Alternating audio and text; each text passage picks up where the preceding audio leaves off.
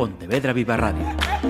Cara a cara. Damas y caballeros, la Asociación de Directores de Informativos de Radio y Televisión da la bienvenida a Pedro Feijó.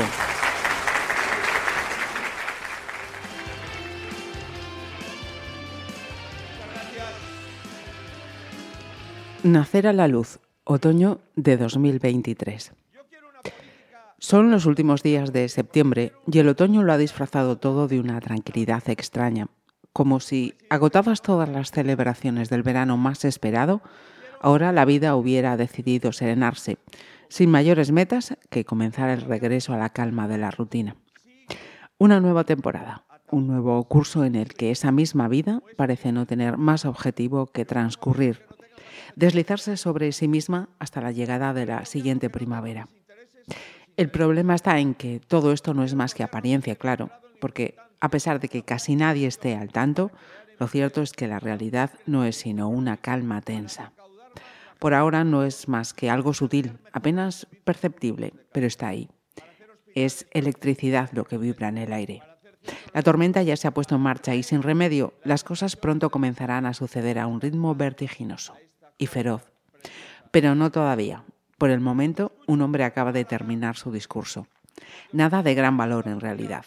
Un mensaje plano, casi vacío de contenido. Unos cuantos tópicos, un par de frases recurrentes y poco más.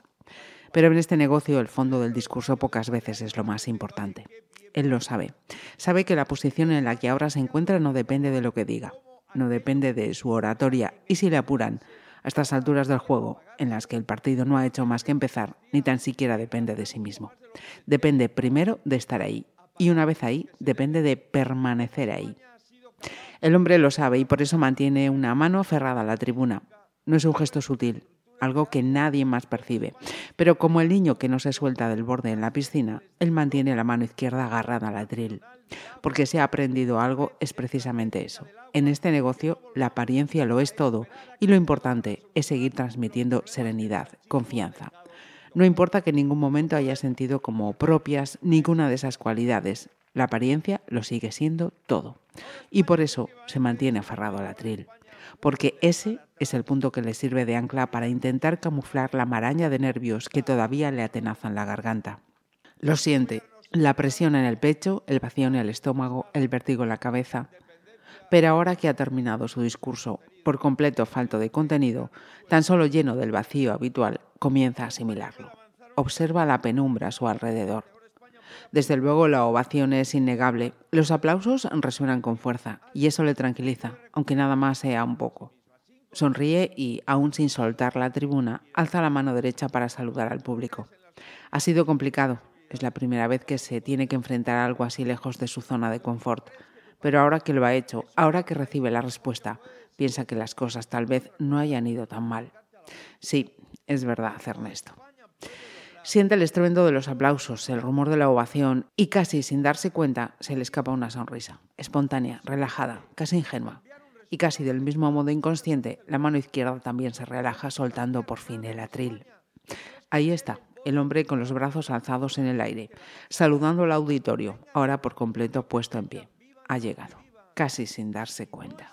Porque llegar no ha sido fácil, eso desde luego. Ha costado, y aunque es mucho el camino que todavía queda por delante, esta prueba, el reconocimiento por parte de sus compañeros, es de una importancia mayúscula. Ha costado, pero aquí está. Ya un poco más relajado, el candidato saluda de un lado a otro, y por un instante se olvida de las sombras al final del auditorio. Es precisamente desde el fondo de la sala, en una zona elevada sobre el patio de butacas, donde dos hombres contemplan la situación. El de la izquierda, un anciano en silla de ruedas, asiente satisfecho al ver la reacción de los asistentes.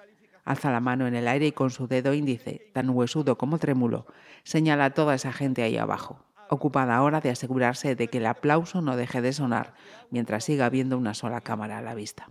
Reunión de pastores. Su voz es apenas un murmullo, un hilo fino y agudo. Mírelos, continúa. ¿Sabe usted qué es lo que tenemos aquí? Por supuesto, lobo, asiente el otro de pie junto al anciano y también con gesto complacido.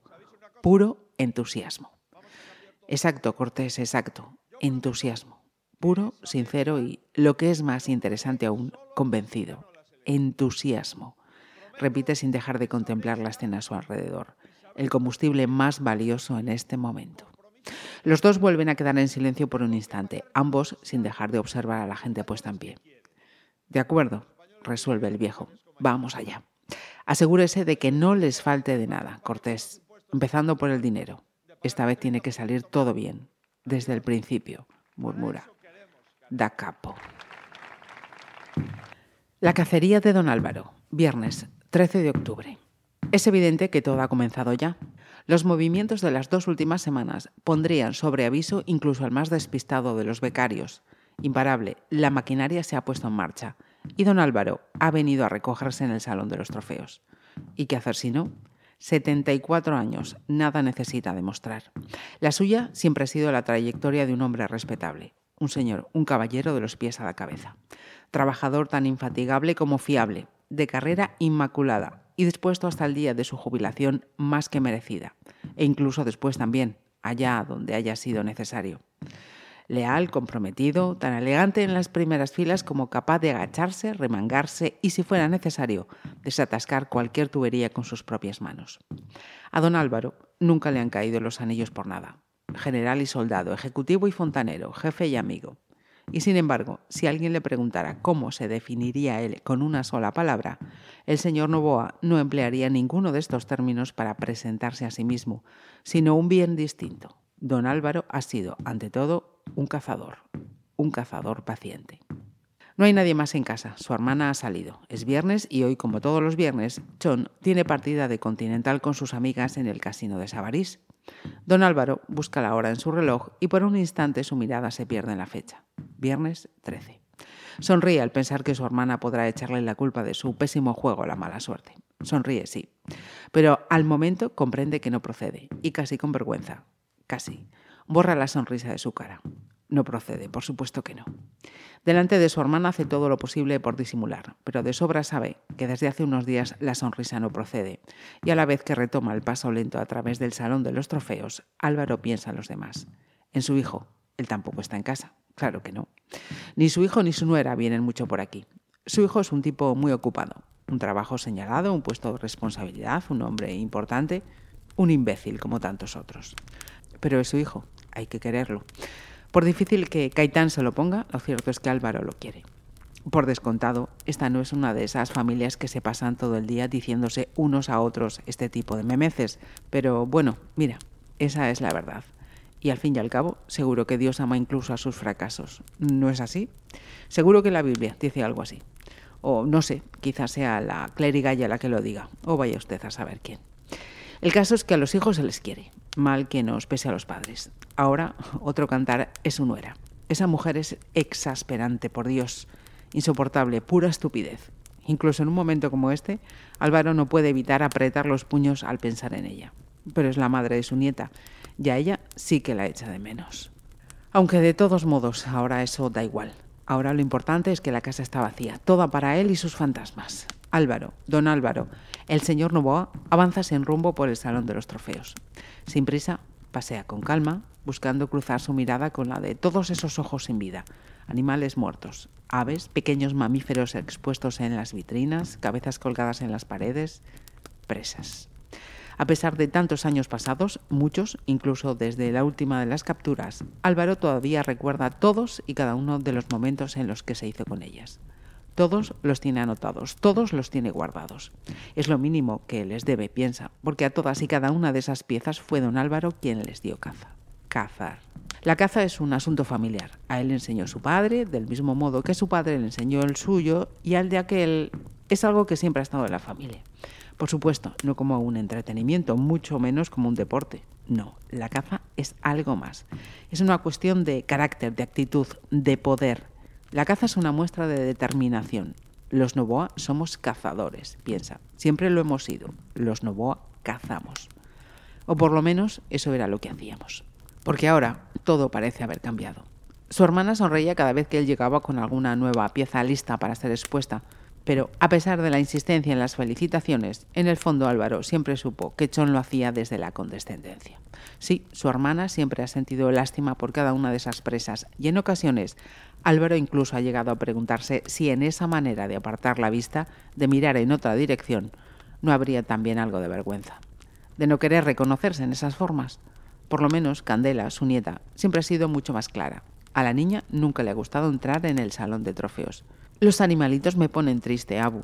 Y sin embargo, mira tú qué curiosas pueden ser las cosas. Porque para su nuera, esa estúpida remilgada, los animalitos nunca han sido más que unos bichos asquerosos, a pesar de lo mucho que incluso ella les debe. Y luego, bueno, Álvaro lamenta en silencio negando con la cabeza y la mirada en el suelo. Luego está su hijo. Él sí que no lo ha entendido nunca, no ha sabido verlo. Por un instante don Álvaro vuelve a sentir ese viejo acceso, el de la frustración por no haber sido capaz de transmitir el impulso cazador en Caitán. Se reprocha algo a sí mismo. A estas alturas ya debería haberlo superado. Pero esa es la verdad. Caitán Novoa nunca ha sentido el menor interés por la caza. No, interés no. Respeto. Caetano no ha sentido ningún respeto por esa relación, como tampoco lo ha hecho por otras tantas cosas, y ahora ya es tarde. Por más que a su padre le vuelva a doler, ahora ya no hay nada que hacerle. Avanzando a través del salón en penumbra, don Álvaro va a sentarse en uno de los sillones que hay al fondo de la estancia, junto a la chimenea. El que siempre utiliza su hermana es de tela, sin mayor historia, pero el suyo es un viejo sillón inglés de piel curtida. Una verdadera joya, casi otra captura por la que cualquier anticuario estaría dispuesto a pagar lo que fuera. Sentado ahí, en su sillón favorito, como un animal agazapado en su madriguera, Álvaro Novoa contempla el espacio frente a él, sus trofeos, todas esas miradas muertas, y asiente en silencio. Porque aunque nadie más lo sepa, la caza es mucho más. Significa mucho más, representa mucho más, esconde mucho más de lo que muestra. Cada pieza expuesta, cada cabeza colgada, es la prueba de un instante que existió, es el momento, es la compañía. Si todas esas piezas están ahí es porque señalan algo. Todos esos animales, zorros, liebres, zorzales, faisanes, pero también la caza mayor, corzos, cabezas de ciervo, un soberbio jabalí y hasta un oso pardo, alzado en la más amenazadora de las poses. Todos, absolutamente todos, animales del país. Y todos, absolutamente todos, recuerdan algo porque cada uno de esos animales fue cazado el mismo día que se cazaba algún acuerdo, que se cerraba un trato, que se daba un apretón de manos con el que sellar un contrato importante. Porque cada una de esas piezas es la firma no escrita de algún gran negocio. Y porque tras toda una vida de caza es una buena parte de la historia última del país lo que se esconde detrás de cada una de esas piezas que ahora contemplan a don Álvaro con sus ojos de cristal. Toda una vida de cazador, siempre atento, siempre al acecho, y sin embargo, es cierto, por más que ahora le estrangule el orgullo reconocerlo, la verdad es que esto no lo vio venir. Sabía que el momento llegaría, eso por supuesto, pero no que lo haría tan rápido y desde luego no con semejantes implicaciones. Con la mirada perdida en el expositor de madera y cristal que se levanta junto a su sillón, el señor Novoa recuerda su última conversación apenas unos días atrás con Toto Cortés, los dos caminando como dos buenos amigos que recorren el paseo sobre el enorme arenal de Praia América. Es el final de una época, Álvaro, el final de una manera de hacer las cosas. Te recuerdo que estás hablando de mi manera de hacer las cosas, Cortés. El otro deja correr una sonrisa cargada de suficiencia. No sé cuántas veces te he dicho ya que los amigos me llaman Toto. Pues ahora que lo dices, siempre he pensado que Toto es nombre de perro. A Toto Cortés, tampoco acostumbrado a que nadie le lleve la contraria, la respuesta no le hace ninguna gracia. Permíteme señalarte que tu actitud no es la más conveniente, Álvaro puede que te haya servido a lo largo de todos estos años. De hecho, tú y yo sabemos que le has sacado mucho partido. Incluso, bueno, incluso a costa de los amigos, ¿verdad? Novoa apenas se inmuta. Me atrevería a decir que todos lo hemos hecho, Cortés. Por supuesto, Álvaro, por supuesto. Pero tú has sabido sacarle ese extra de beneficio. Responde sin dejar de contemplar el mar junto a ellos. Te has hecho un traje con esa actitud tuya uno a la medida de tu reputación. Y sí, no dudo de que te sientas muy respetable, como cada vez que haces ese teatrillo tuyo por el que ahora te ha dado. Ya sabes a qué me refiero, ¿verdad? Debería, por supuesto. Te estoy hablando de esa manía estúpida que tienes, la de ir a la caja cada primero de mes como si tú fueras un pensionista más y que el director de la sucursal te pida que pases a su despacho, aunque nada más sea para preguntarte qué tal va todo por casa.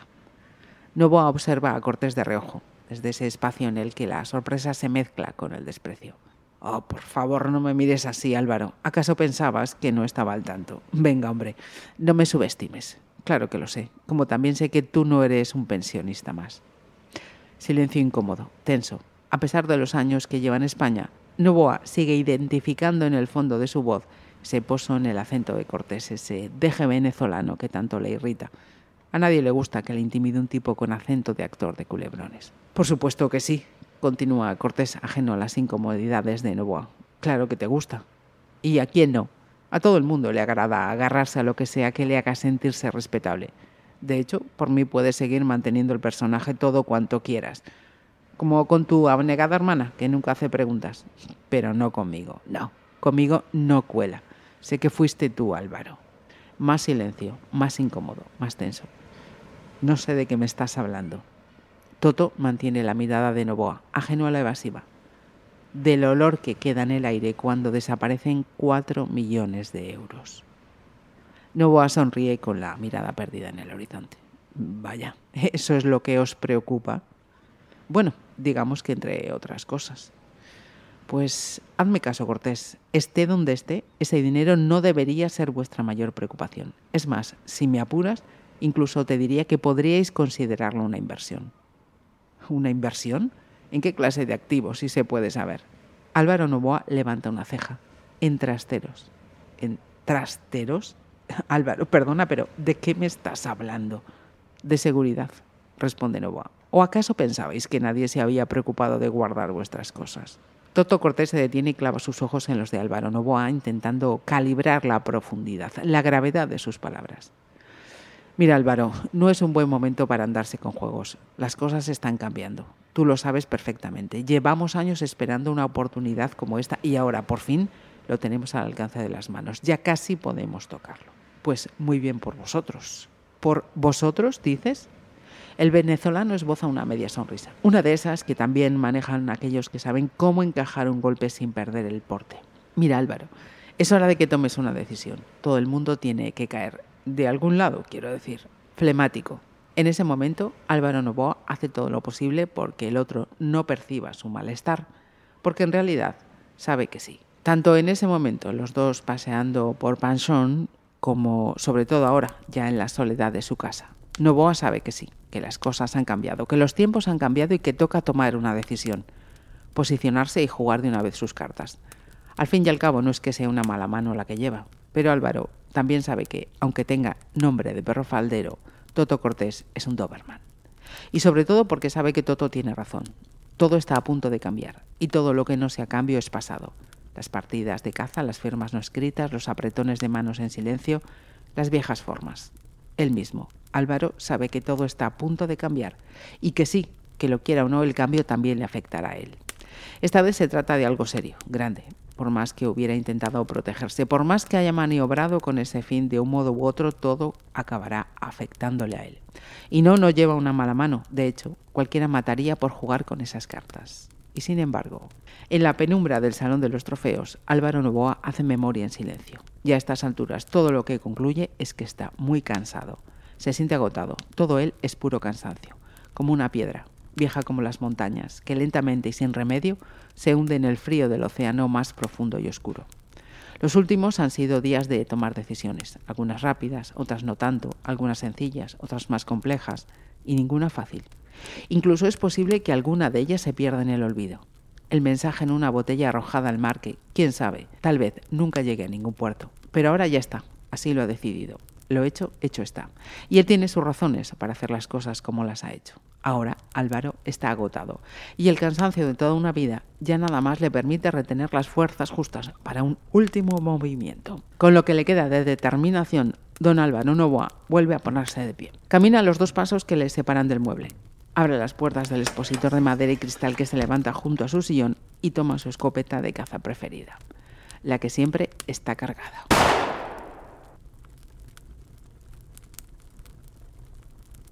Seguimos acercando libros al cara a cara. Esta vez nadie contará la verdad de Pedro Fijo, premio Xerais de novela 2023. Bienvenido y aunque ya hace un tiempo, enhorabuena. Pues muy bien hallado y muchísimas gracias Marisa, de verdad. Sinopsis. Una mm, talentosa periodista despedida por su compromiso con la verdad acepta el encargo de un antiguo compañero. Destapar un caso de corrupción política que afecta al presidente de la Junta. Constructores, banqueros, abogados, altos cargos políticos, directivos de medios de comunicación, todos tienen participación y beneficio de la administración pública y su ambición es tan desmedida que hacen cualquier cosa para, para conseguir lo que entienden que le corresponde por esa colaboración con el partido que está en el poder. Em, desde luego, una novela de ciencia ficción no es. No. no. Porque es que estaba viendo y escuchando entrevistas y que si novela eh, negra, que si thriller, no sé qué, que si... ¿Verdad? Como la vida misma, no hay más. Sí, de, hecho, yo lo he contado también por ahí. Entiendo que eh, no te vas a librar de, las etiquetas. Además, ahora las hay de todos los colores, tamaños y sabores. Em, y que, bueno, sobre todo el que está al otro lado, o el crítico, o, el editor, o todo, el mundo necesita etiquetar de alguna manera, pero yo, para mí esta es la novela de un tipo que tiene una preocupación por algo que está pasando a su alrededor y lo comparte con el lector. Em, y por desgracia, además, es que es, verdad, ¿eh? a mí había momentos como escritor que me daba vergüenza porque pensaba, es que yo no me estoy inventando nada. Quiero decir, se supone que el escritor es un tío que tiene, o una autora, ¿no? que, que tiene un, eh, un, universo propio, un mundo interior, una imaginación desbordante. Y yo lo que estaba haciendo era volcar directamente lo que, lo que me encontraba, lo que me eh, leía en el periódico muchas veces, lo que recogía en entrevistas con, con implicados, con, con afectados, con llegaba a casa con algo que me habían contado y lo traspasaba a la novela. De hecho, había, había veces en las que pensaba, es que si le cambio una coma a lo que me han dicho, me lo voy a cargar, porque tiene tanta verdad lo que me han contado, ya fuera un afectado o ya fuera un implicado, que si yo le toco algo, lo voy a estropear. Así que, tal cual me lo han contado, sí, sí, es, es una novela sobre la realidad que nos está pasando ahora mismo. Eh, esto que nos acabas de decir entonces me, aclara una de las preguntas. No solo has hecho un trabajo de, recopilación, de, recogida de datos, de realidades, sino que has hablado también, como dices, con víctimas y con verdugos. Claro. A, ver, para mí, eh, a ver, yo entiendo que, o por lo menos es como me lo, tomo yo, como entiendo yo el trabajo. Eh, publicar es una responsabilidad. Lo, primero que, estoy pidiendo si publico un libro es tu tiempo. Es, si quieres sentarte y a dialogar conmigo, si confías en mi propuesta, tú me vas a dar el tiempo que te lleve esa lectura. No es un viaje corto precisamente, son 500 y pico páginas. Eh, así que mi obligación, mi responsabilidad es contarte esa historia bien, eh, documentarla bien y que a ti no te parezca de plástico, que no le veas las costuras, que no... Así que, como soy consciente también de mis recursos, eh, yo sé hasta dónde llega lo que sé y donde yo no sé, esto es algo que me enseñaron además eh, amigos periodistas ya de pequeñito, el buen periodista no es el que sabe, es el que sabe quién sabe. Mm, Así mm. que yo tenía clarísimo que tenía que ir allí a, empaparme bien eh, de todas las personas que estuvieran implicadas a un lado o a otro, pero que tuvieran algo que ver con, con la historia. Y empaparme bien de esa voz, de, de, esas razones, de esos argumentos, incluso a veces de esas mentiras. Porque yo, hablaba con gente que sabía que me estaba mintiendo. Eso te lo he escuchado decir, sí. Yo en ese momento decía, claro, eh, o sea, me, regalas tu tiempo para venderme algo que no es real. Pero es que incluso en, en, esa mentira, yo creo que siempre hay un poco de verdad en todas las mentiras. Incluso el hecho de mentir, que me estés mintiendo, también es real. Eh, esto es una verdadera mentira. No pasa nada, miénteme si quieres. Yo luego, cuando describa Esta escena en, el libro, si tengo que describir a alguien mintiéndole a la cara a alguien, echaré mano de este recurso porque lo estás haciendo ahora mismo. hay, hay, un momento en la novela en la, que es eh, Salva, uno de los periodistas, que se reúne con Caitán y él sabe que lo que le está haciendo en ese momento es mentirle, que lo está utilizando, pero le da igual, lo permite que siga hablando, solo lo, describe como eh, para gozar de la experiencia de tener un político mintiéndome a la cara solo para mí. Decía, vale, eh, hágalo, sígalo usted haciendo, que en el fondo me estás dando tu verdad, me estás dando tu voz. Y si tu voz es una mentira, me vale, yo, la voy a utilizar de, esa manera. A mí lo único que me, importa es que después, cuando yo comparto la historia contigo, em, a ti te parezca natural, que, la creas, porque de hecho, en este caso, supongo que un autor siempre quiere que crean su voz, pero es que en este caso además me preocupaba como autor y como ciudadano, como compañero, como, como vecino tuyo, porque es que esto que te estoy contando es verdad, aunque lo haya disfrazado de novela. También em, estaba leyendo y escuchando que de las críticas no encontraron ni una mala, ¿eh? también te lo digo. De todas las críticas que he leído... Ahí a estar están ahí. hay quienes te acusan, entre comillas, de que los referentes reales eh, que has utilizado em, no, los has disfrazado apenas, vamos. No, eh, es verdad. Eh, y sí que hubo un momento en el que me planteé, bueno, por supuesto, cómo abordaba esa decisión. Si esconderlos más, disimularlos, o incluso luego hubo también que me afeaba que no hubiera puesto directamente los nombres reales, porque decía, claro, es que se le reconoce también que el hecho de que le hayas cambiado el nombre me saca un poco de la historia, porque, digo, ¿por qué le llama, por qué le llama Ernesto si sé que se llama Alberto? Em, pero pensaba, eh, por un lado, no los voy a esconder más, precisamente por esto que te decía. Mi, intención fundamental es ser honesto contigo. yo me voy a empapar bien de la historia para contártela bien a ti. Em, es evidente de, quiénes estamos hablando y además es que no lo escondo. en su momento el primer, mm, la primera excusa o el primer leitmotiv para, para, contar esta historia fue porque me llamó la atención aquel viaje de Feijó de por qué decide que le lleva a abandonar la comodidad de una presidencia que tenía garantizada mayoría absoluta tras mayoría absoluta para hacer esta pirueta, eh, postularse como presidente del partido, candidato a las generales ese viaje que luego salió como salió. Em, pero mm, aunque luego decidiera que la historia estaba en otro sitio, pero em, ¿por qué lo voy a disimular? Más si es evidente que, estoy hablando de él. Ahora, lo he acercado hasta donde he podido, porque claro, tampoco se trata de empezar a poner los nombres reales. Y, a ver, yo quiero acostarme cada día sin tener que pasar por el juzgado antes, ¿sabes? Sin temblar cada vez que el cartero llama a la puerta. Sí, sí, sí. Bien, bien, bien. Que conste que además es, un, es un mecanismo, una herramienta que cada vez, eh, pues, ves no solo en los libros, sino en muchas eh, series eh, que están basadas, pues también en, testimonios, en hechos reales, y luego te ponen esa coletilla así. Cualquier parecido con la realidad es circunstancial, es mm, tal. Bueno, Tampoco hace falta que me quieras decir que no es tan verdad lo que estoy viendo. No, y más cuando... A ver, de hecho, en todo caso, yo lo haría al revés. Diría, eh, cualquier parecido con la ficción eh, es que lo he hecho mal. Porque eh, una de las intenciones que tenía con esta novela era llamar precisamente la atención sobre eso. Yo creo que nos hemos acostumbrado a... Incluso nos hemos acostumbrado a determinadas, determinadas verdades falsas, pero que nos resultan muy cómodas. Eh, damos por sentado que la corrupción siempre ha estado ahí, que sí, que siempre ha estado ahí, pero no es eh, algo contra lo que no se puede hacer nada. Eh, o, estas coletillas tan cómodas de, es que todos los políticos son iguales. No, no, ni son todos iguales, ni la, corrupción es algo que, bueno, como siempre estuvo ahí, pues no me afecta. No, oiga, claro que le va a afectar por no decir que ya le ha afectado o que ya le está afectando.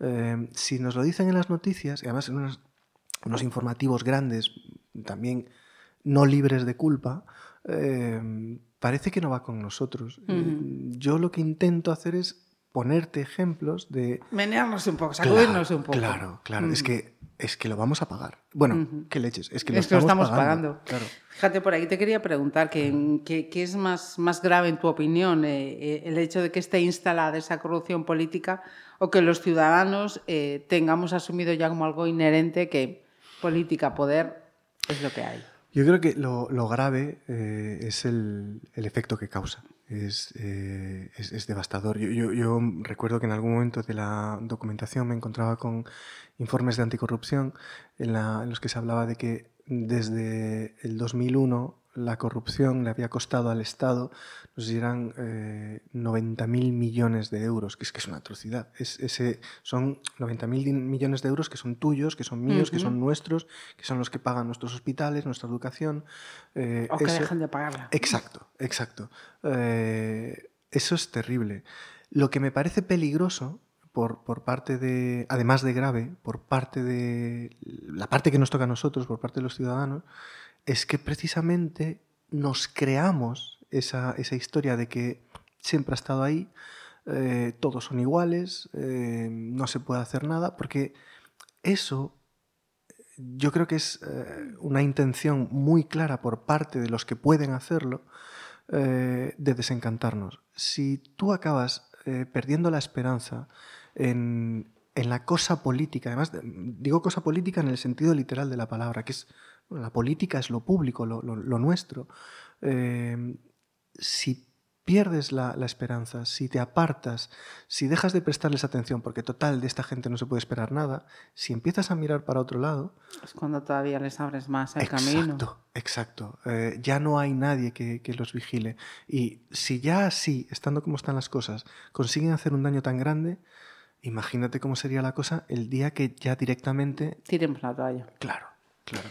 Eh, mira, fíjate, acabas de decir, eh, la política es em, lo nuestro, lo común, lo de todos. Em, hoy en día se hace política. Bueno, está clara la respuesta, es una pregunta bastante retórica. ¿Los políticos hacen política o hacen partidismo? Eh, yo creo que en, en, esas primeras líneas de la política, las que son más visibles a través de los informativos, de sus, propias, sus propios altavoces, eh, ya no es que sea solamente partidismo, es que el, propio partido como tal acaba siendo una herramienta más de todos esos personajes que decíamos antes que, que, no salen tanto en la foto, que están más en los márgenes del escenario, en el fondo o incluso directamente por encima del escenario, alumbrando sobre quién ponemos el foco en cada momento. Y entiendo que el, que el partido se convierte en otra herramienta más, del mismo modo que un informativo en una cadena de máxima, en una hora de máxima audiencia, en una gran cadena estatal, es otra herramienta más. Eh, igual que mm, ciertos actos publicitarios son otra herramienta más. Quería preguntarte por esas herramientas, porque si hay políticos que corrompen, hay personas que se dejan corromper o que facilitan esa corrupción sin que sean políticos. Eh, Hemos nombrado antes algunos, claro. pero hay muchos más. Es que, de hecho, eh, cuando a mí me, me preguntan eh, por qué he escrito una novela política, el primer impulso es salir corriendo y el segundo es volver atrás y decir, no, espera, es que no es una novela política, porque la corrupción en realidad no es una cuestión política. Em, Claro que hay políticos que corrompen, pero no son los únicos. De, hecho, la mayoría de las veces eh, el, político no es el corruptor, es el corrupto. Pero la corrupción no es una cuestión política. La, corrupción y la política, o mejor dicho, al revés, la política solamente es, un... Una parte, un porcentaje. Exacto. Eh, por el que asoma alguno de los tentáculos de ese monstruo, de ese calamar gigante que es la corrupción. Pero del mismo modo que, hay uno, y que además es muy vistoso y que es muy interesado, eh, porque así focalizamos, tenemos claro, es como una de esas historias malas en las que sabes desde el principio quiénes son los buenos y quiénes son los malos, y los políticos son los malos. No, no. Eh, claro que hay una parte que pasa por ellos, pero ese mismo calamar que, del, que te hablaba tiene otro tentáculo que agarra fuertemente los medios de comunicación cuanto más grandes, eh, con, más descaro hay tentáculos que pasan por el mundo empresarial, por el industrial, por la banca, por, las finanzas. Claro, claro, claro. Es que mm, ¿dónde no la hay? Que a ver, que tampoco nos vamos a caer en un guindo ahora. Por supuesto que corrupción ha habido siempre y, es, bueno, es, es como el, reverso tenebroso. Allá donde hay poder hay corrupción. Siempre ha sido así. Pero una cosa es eh, saber que siempre ha sido así y otra cosa, dar por sentado que, como siempre ha sido así, no se puede hacer nada. No. Por lo menos, eh, no hay que. Tampoco se trata de ser un gran activista, ni muchísimo menos, pero todos tenemos algún recurso para intervenir, que ya es algo. Mira, eh, Decías antes que de esos testimonios que has ido cogiendo no, no has querido ni quitar una sola coma. Pero um, ¿hay algún testimonio, hay algún caso que has dicho, buf, este lo tengo que dejar fuera porque publicarlo sería tremendo? Eh, mm, como tal, no. Em, sí que es cierto que, mira, yo, siempre hacía lo mismo en, todas esas reuniones y, he hablado con eso, afectados, gente a la que han querido extorsionar, eh, currantes que tenían una concesión, la explotación de, yo qué sé, una cafetería y de repente de, un año para otro les piden un depósito como garantía de cientos de miles de euros. Eh, luego he hablado también con empresarios, con muchísimos periodistas, políticos, funcionarios, altos cargos. Eh, pero siempre me he plantado delante de ellos de la misma manera. En, ningún momento no, me he presentado como el periodista que dice, hey, tenemos esta exclusiva o mañana vamos a sacar esto en primera, usted qué tiene que declarar al respecto, si quiere hablar bien y si no, lo vamos a sacar igual. No, no, no había ese tipo de presión. Em, por fortuna, a, estas alturas, pues la gente ya me conoce, sabe cuál es mi oficio, a qué me dedico, así que siempre me he presentado como escritor eh, que está trabajando en lo que va a ser una novela nueva sobre corrupción. Entonces, eh, si quieres hablar conmigo, si quieres contarme algo, claro, para la víctima o para el que no pueda hablar habitualmente, pues claro, esta gente se soltaba rapidísimamente. Pero también es verdad que había algunas situaciones en las que la persona se me quedaba mirando y decía, ¿y por qué hablas conmigo? Eh, pero bueno, ¿Qué te ha hecho pensar en mí? claro, eh, no, bueno, lo decía por cuando su empresa se vio en concurso de acreedores o... Pero no, yo no iba a acusarlos nunca de nada. Simplemente en esos casos le decía, ¿cómo recuerda usted aquel tiempo? Em, yo lo único que quería era que hablaran, dejándoles claro además que precisamente si estaba ahí hablando con ellos era porque yo mismo pretendía oír de cualquier mirada partidista, o partidista en el sentido de ponerme de parte de lo que te decía antes. Yo desde el principio te voy a decir quiénes son los buenos, quiénes son los malos y lo que tienes que pensar. No, yo voy a ser un espejo, nada más, y voy a reflejar lo que tú quieras proyectar. Em, funcionaba bien, porque una vez que, ellos confiaban en la honestidad de, tu palabra, y, eso lo, he mantenido todo el tiempo, empezaban a hablar. Y yo prácticamente apenas tenía que hacer preguntas. Una vez que, se sentían tranquilos, confiados y veían que no era un espacio hostil, hablaban y recuerdo algo que me llamaba mucho la atención. Eh, y, enseguida me di cuenta de que funcionaba con todo el mundo. Cuando se callaban, yo no hacía ninguna pregunta. Me quedaba en silencio, les mantenía la mirada y seguían hablando. Eh, ahí lo, que tienes es su voz. Eran conversaciones muy largas, eh, su voz en todos los sentidos, ¿eh? en, incluso cómo callan, cómo, cómo piensan, cómo recuerdan, cómo reaccionan. Como eran, para llegar a ese nivel tenías que hacer o mantener conversaciones muy largas, es cierto que en algunas de ellas, en algún momento, pues sí, alguno se pudo venir arriba y decir alguna cosa que yo pensaba, madre mía, ¿cómo cuente esto? Pero no, eh, no me parecería tampoco honrado por mi parte. Así que eh, sí que tengo algún cotilleo, pero no... Se va a quedar para Pedro. Sí, sí. Valgo más por lo que callo que por lo que cuento, amigos. Eh, mira, ¿has visto lo que está aquí escrito? No, no. Pues precisamente eso. Si se puede decir que, igual que cuando se habla de un periodista, que vale más por lo que calla que por lo que cuenta, pues, pues eso es lo que le ha pasado a Pedro. Efectivamente. Mira, ¿ves? No iba, no iba muy perdida entonces. Em, solemos acudir al término eh, película, coral, novela, coral, pues cuando hablamos que hay un grupo de personajes protagonistas. Y, en esta novela em, ya no es que sea una novela coral, es macro coral. Sí, es verdad, es verdad. Hay, hay unos cuantos personajes y, puede que incluso al principio se me haya ido un poco de las manos. Pero ¿sabes, ¿sabes qué pasa? Que, eh, tiene que ver con esto que te decía antes. A, mí me preocupaba mucho, primero, ser honesto, ser em, lo más fiel posible a la realidad, lo más objetivo contándolo, eh, y sobre todo no caer en la parcialidad. que creo que es algo que mm, sucede demasiadas veces, y más aquí.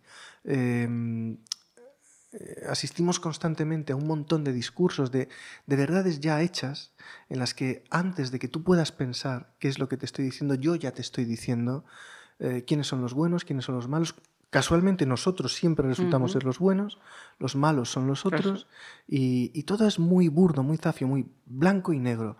Um, a mí me obsesionaba mm, ser lo más fiel posible a, al, al, espectro que, que, te encuentras en, en sociedad, en, en, la realidad. Eh, y por eso pensaba, pues precisamente para no caer en el error de la corrupción política, no, la corrupción es algo más. Uh -huh. eh, para mmm, validar eh, esa, esa, intuición, necesitaba contarte la, esa, esa, misma historia desde distintos puntos de vista posibles. No, no, no sería creo que como narrador no sería honrado no. si solamente te contara, te hablara de lo malos que son los políticos. Bueno, puede que sí, puede que no, pero ¿por qué? ¿Por qué este político ha tomado esta decisión? Ah, porque tiene estas amistades. ¿Quiénes son estas amistades? Pues eh, es, son dos banqueros, son tres empresarios, es un gestor de comunicaciones, es un naviero, es... Um, cuanta más gente coloque encima de la mesa, creo que más fiel o más veraz mm, va, va, a ser ese el, retrato. Mm, sin duda. Y um, entrar en esta temática para esta novela, abordar la, la corrupción de forma tan real, fue una, una, necesidad de Pedro como ciudadano, como parte de esta sociedad. Eh, fue una cuestión de añadir más ingredientes a tu currículum de escritor, sugerencia editorial. No, no, eh, y, de hecho sí que eh, en algún momento tuve conversaciones con los editores, sobre todo con los editores en Barcelona, porque aquí eh, hubo un momento en que me di cuenta de que la podía presentar al premio y ahí tenía que ser mucho más discreto. Eh, pero sí que hablaba con, con, mis editoras en Barcelona, les expresé cuál era mi intención y en todo momento, nunca me pusieron ni una sola traba, en todo momento tuve todo el apoyo que, que necesité. La novela yo creo que es más nace más como un... Eh, el reflejo de, de, de un hastío, de, de, una... no sé si de un cabreo, uh -huh. de, eh, de una sensación de hartazgo, pero más como ciudadano que como autor. Uh -huh. yo, yo, recuerdo el, el, momento, de hecho, en el que, a ver, como te decía antes, todos sabemos que ha habido corrupción y hay que estar muy ciego para no... Para no darse cuenta claro. y no ver lo que hay. Pero recuerdo eh, cuando llegó la pandemia y todos estábamos confinados, yo en aquel momento estaba en plena promoción, de hecho, de, uh -huh. de Un Fuego Azul. Eh, y en aquel momento todos entendimos que lo que había que hacer era replegarse, meterse cada uno en su casa, ponerse a salvo y colaborar en la medida de lo posible. En la mayoría de los casos, no estorbando, eh, que, que, era lo que había que hacer. Y recuerdo que con todo, eh, cuando empezó a levantarse el confinamiento y empezaron a aparecer todos aquellos casos de, de comisiones millonarias, de casi de extorsiones a ayuntamientos, de forzar a, a corporaciones a, a comprar a tomar, eh, sí. aquellas cosas que en realidad no valían absolutamente nada y gente que se estaba enriqueciendo de, a ver, ya sé que nos estáis robando en la cara y que estamos llegando a un punto de indecencia tal que ni siquiera os molestáis en disimularlo. Pero, ostras, Marisa, ¿tú te acuerdas de cuando apareció aquella historia de los 6 millones de comisión por unas mascarillas de mierda? Los tíos eran tan indecentes, se sentían tan impunes que hasta se inventaron un intermediario que, ponle que es chino, que total, bueno, pues si es chino, ¿cómo, cómo, ¿y cómo lo llamamos? Salchichón. Eh, hombre, salchichón se va a notar mucho. Bueno, pues ponle sanchichón. Madre mía, era como burlarse de todo sí, el mundo. El tema en la de hacerlo, cara. sí. Era, era horrible. Sí. Eh, nos están tomando el pelo de una manera tan feroz que directamente estos desgraciados piensan que somos gilipollas. Uh -huh. Están tan convencidos de que pueden hacer con nosotros lo que les dé la gana que ya ni lo disimulan. Es que se están riendo en nuestras caras. Es, ese fue el momento de... Sí, decir... más grave. Además eso, mientras ellos se dedicaban a eso, y también yo creo, bueno, es una cuestión personal. También se aprovechaban de que, desgraciadamente, muchos ciudadanos estábamos a, a otras cosas, ¿no? A lutos, a pérdidas. Exacto, a... exacto. Por eso decía, si en un momento de, de estrés colectivo tan bestia como, como ese, porque, joder, coño, que, que- que por, por- por mucho que ahora nos quieran vender la milonga de que nosotros no sabemos lo que es un golpe de Estado, una dictadura, y todo el mundo hable de estas cosas con esta ligereza, como si fuéramos idiotas, a ver, sí que somos conscientes de, de lo que es eso, pero no lo hemos vivido. No- nosotros no hemos vivido una guerra. Eh, a, a muchos la, la dictadura a nuestro alrededor ya les queda lejos. Pero, ostras, eh, estábamos viviendo una situación devastadora para muchos, la más dura a la que nos enfrentamos en nuestras vidas. Y en vez de arrimar el hombro, ves que hay gente que está haciendo esto, dices, pues, ¿qué no harán cuando las cosas están más tranquilas o cuando estamos en un día a día normal? Y ese fue el detonante de... Eh, fue como cuando te enfadas ya al final de todo y dices, mira, le vas a tomar el pelo a la madre que te parió. Eh, y te levantas de la mesa.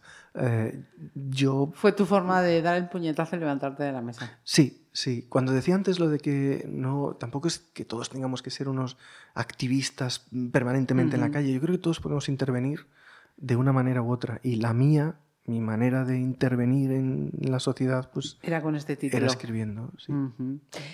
Eh, mira, y,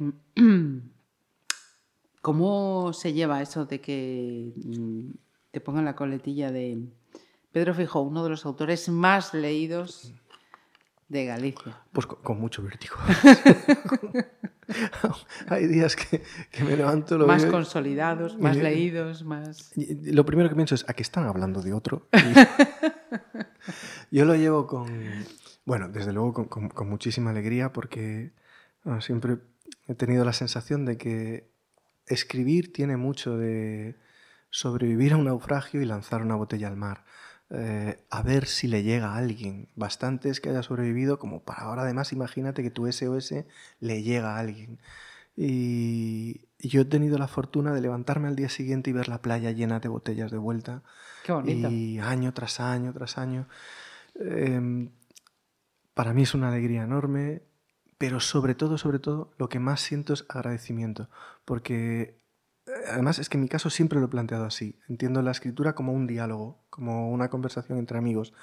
Y para eso tiene que haber alguien al otro lado que esté dispuesto a darte su tiempo y a, a sentarse a hablar contigo. Y a mí que esté sucediendo esto y de esta manera, bueno, yo, voy con esta cara de, de bobo sonriendo todo el día permanentemente y dando las gracias. De hecho, a veces eh, en, en las redes lo pongo y, y me da vergüenza. Eh, o sea, me empiezo a sentir un poco de vergüenza por pesado, porque siempre estoy dando las gracias, pero es que de corazón no, no, no creo que pueda hacer otra cosa que, o que deba hacer otra cosa que agradecer lo que está pasando. 2011, finalista del premio de novela de Xerais, 2023 ganador. El que la sigue, la consigue. Me ha llevado tiempo, ¿eh? sí, sí. Eh, además, me, me hacía mucha ilusión, Marisa, porque, eh, bueno, esto lo habrás visto, lo he contado por ahí, el, el premio Xerais. eh, de hecho, es el, es el- no sé por qué, pero es el único premio eh, que siempre ha estado presente en, en mi memoria, en mi casa, eh, del que recuerdo incluso cuando se falló por primera vez. Yo era un crío, tenía, Anda. es que y- yo soy nieto de Manuel de la Fuente, un periodista de, que trabajó toda su vida en el, en el Faro de Vigo Ajá. y fue uno de los responsables de eh, memoria y cultura del, del periódico. Eh, y siempre, un- un- dos de los actos, de hecho, que le tocaba cubrir todos los años era el fallo del Xerais y el fallo del planeta. Entonces, Ajá. en casa siempre sonaba esto de eh, cuando el abuelo estaba con lo de el fallo de este año. Eh, como ya venía toda aquella rutina del planeta, de repente un año me contó que ahora había otro, otro premio, pero que estaba en Galicia, que era, que era nuestro, que...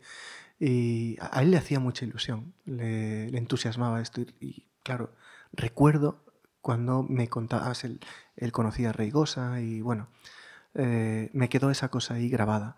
Con los años me convertí en seguidor y en lector de, de los premios Xerais y cuando pude empezar a escribir, pues de, de verdad, el único premio en el que me he presentado, al que me he presentado Entiendo, lo entiendo. y con esa ilusión además era, era el Xerais. En el 2011 se me escapó por un voto. leche. y claro, como, como soy así de rencoroso, dije, esto no puede quedar así. Eh, Voy sí o sí. Sí, sí. Y mira, pues esta vez eh, ha sido una alegría enorme, enorme, enorme. No sé, estoy, es lo que te digo, yo llevo desde junio así. Con la sonrisa. Tengo unas agujetas en las mejillas que no te imaginas de tanto sonreír. Agujetas, pero no arrugas, que dicen que es muy bueno. Sonreír contra. O sea que encima, encima va bien hasta para, para el físico. Fíjate. Mira, y mm, ahora, ¿a, qué está Pedro? Además de promocionar Ninguém contará la, la verdad. A dar las gracias. y, a dar las gracias, efectivamente. Pues mira, eh, nada. Bueno, me ha dicho, perdón Pedro, te interrumpo, me ha dicho que se, se pasa media vida viajando de, de, oeste a este, de oeste a centro. De... Sí, sí, sí, sí. estamos ahí, Willy Fogg y yo, nos vamos saludando en, el puente aéreo. Eh, nada, ahora eh, pues disfrutando de, de toda esta este tiempo de promoción, que es, es una gozada porque por eso, porque acabo de encontrarme con más amigos, más, más lectores, más, eh, y es algo que disfruto mucho. Y en cuanto, en cuanto acabemos, pues sí, ya me están tirando de las orejas para que me, perdón, para que me siente a, escribir otra vez. Y sí, algo hay ahí en el disparadero. Algo hay. Mm.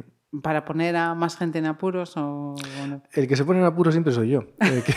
tengo, tengo, un instinto para meterme en jardines que no veas.